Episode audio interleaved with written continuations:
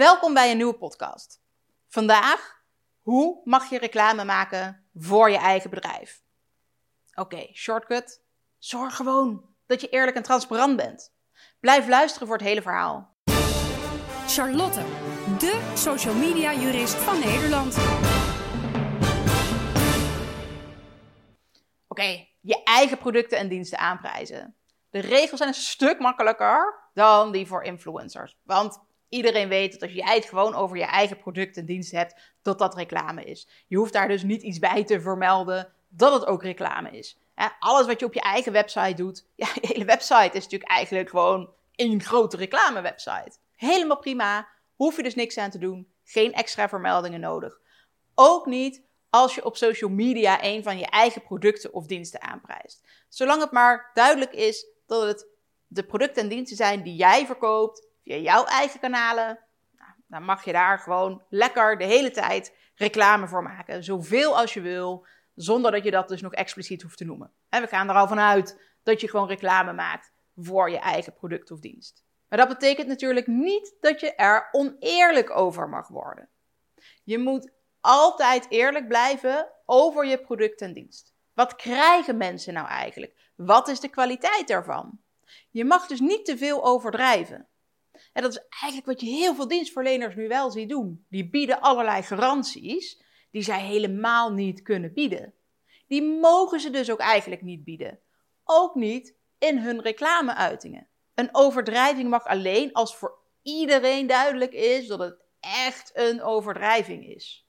Anders moet je gewoon heel eerlijk en transparant zijn over de kwaliteit van je producten en over je, de kwaliteit van je diensten en wat mensen daar nou precies voor krijgen. Daarnaast moet je heel transparant zijn over de prijzen. Dat betekent dat je prijzen voor consumenten altijd inclusief BTW moet vermelden. Heb je een webshop met producten die je nog verkoopt, en dan moet er ook duidelijkheid zijn, bijvoorbeeld over de verzendkosten en over allerlei andere bijkomende kosten. Mensen mogen daardoor niet verrast raken in een te laat stadium in het bestelproces. Wil je aan bedrijven verkopen, dan mag je een prijs exclusief BTW noemen. Moet je er natuurlijk wel duidelijk bij vermelden dat die prijs ook exclusief BTW is.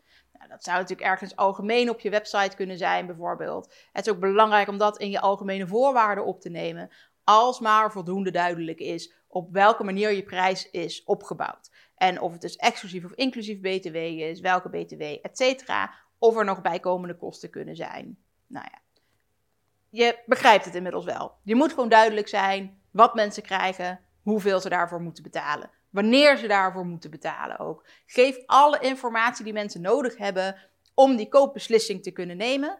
Waarbij je dus vooral niet overdrijft. Uiteraard moet je daarbij op je website uitvoeriger informeren dan als het gewoon je reclameuitingen zijn op social media of in een advertentie of iets dergelijks. Dan mag het allemaal wat meer kort door de bocht en mag je verwijzen naar de website voor de voorwaarden die daarbij horen. Daarnaast is het heel erg belangrijk dat je uiteraard niet met nep-reviews werkt. Kijk, in theorie zou je wel alleen maar positieve reviews mogen plaatsen. Maar dan moet je er weer bij vermelden dat er alleen maar positieve reviews te zien zijn op je website. En dat je de negatieve reviews niet publiceert. Het gaat er meer om dat de reviews van echte klanten komen. En dat de reviews echt en oprecht zijn. Dat je ze niet gekocht hebt. Nou, wat heel veel mensen nog wel slim doen, is gewoon bij dienstverleners in elk geval een review vragen terwijl de dienst nog geleverd wordt. Dan zijn heel veel mensen er gewoon nog super enthousiast over. Ja, dat mag. Zolang dus ook maar duidelijk is dat mensen eigenlijk nog niks kunnen vertellen over het resultaat na die dienst. Want ja, de dienst is nog niet afgelopen.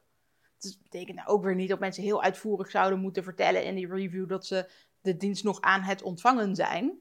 Maar de review moet wel eerlijk zijn. En zo mag je in principe ook niet mensen om een review vragen die nog helemaal geen dienst of product van je hebben afgenomen. Wat natuurlijk weer wel zou kunnen, is dat je mensen om een algemene review over jouw bedrijf vraagt.